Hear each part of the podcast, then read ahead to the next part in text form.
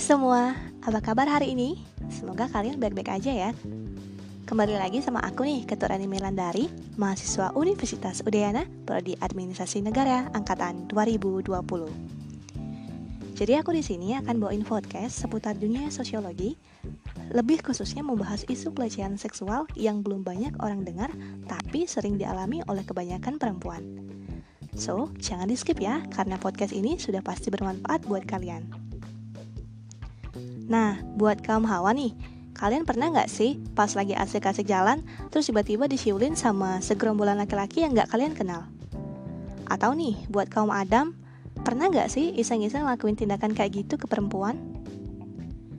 Nah, buat kalian yang belum tahu, ternyata tindakan tersebut termasuk pelecehan seksual loh. Namanya catcalling. Apa sih itu catcalling? Catcalling didefinisikan sebagai siulan, panggilan, dan komentar yang bersifat seksual dari seorang laki-laki kepada perempuan yang lewat di hadapannya. Senada dengan yang diungkapkan oleh Chun bahwa catcalling sebagai penggunaan bahasa kasar, ekspresi verbal maupun nonverbal yang terjadi di tempat umum. Ekspresi verbal dan catcalling melibatkan sebuah komentar yang mengarah pada penampilan wanita Bentuk nonverbal sering kali mencakup gerakan fisik yang bertindak sebagai alat untuk menilai penampilan dari si wanita. Selain siulan, catcalling juga bisa berbentuk sapaan seperti ini loh contohnya. Hai cewek, boleh kenalan gak?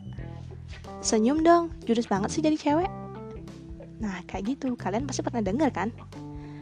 Tahu nggak sih gimana perasaan perempuan yang dapat catcalling kayak gitu?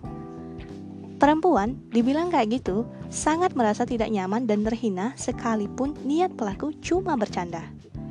Mereka bukan ngerasa terpuji, apalagi bangga. Mereka ngerasa nggak berdaya melawan si pelaku. Terus apa dampak bagi korban dari tindakan tersebut?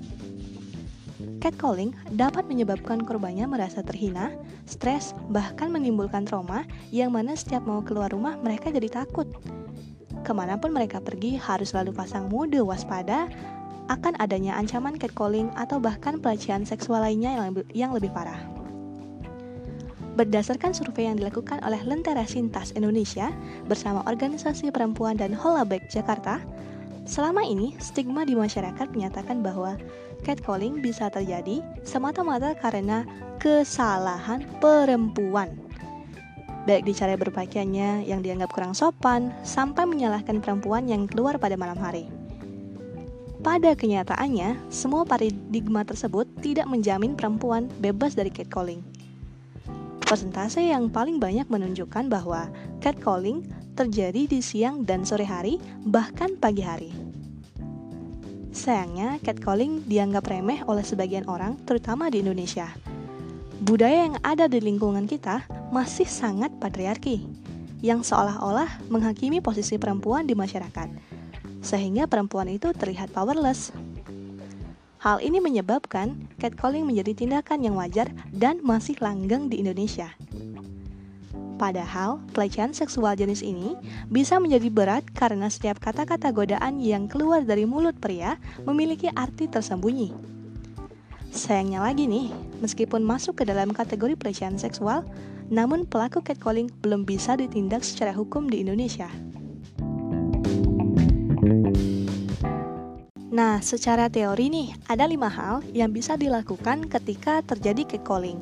Yang pertama ada direct atau tegur orang yang melakukan catcalling tersebut. Misalnya bisa bilang, ih apaan sih? Atau maaf ya nggak sopan. Terus yang kedua ada delegate atau minta orang lain buat melakukan beberapa hal direct tadi kepada pelaku. Siapa pun asal orang tersebut tepat menurut kalian. Yang ketiga, ada dokumen atau dokumentasikan kejadian catcalling dan post di media sosial.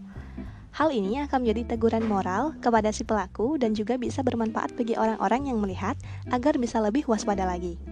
Kemudian ada distract atau mengalihkan perhatian.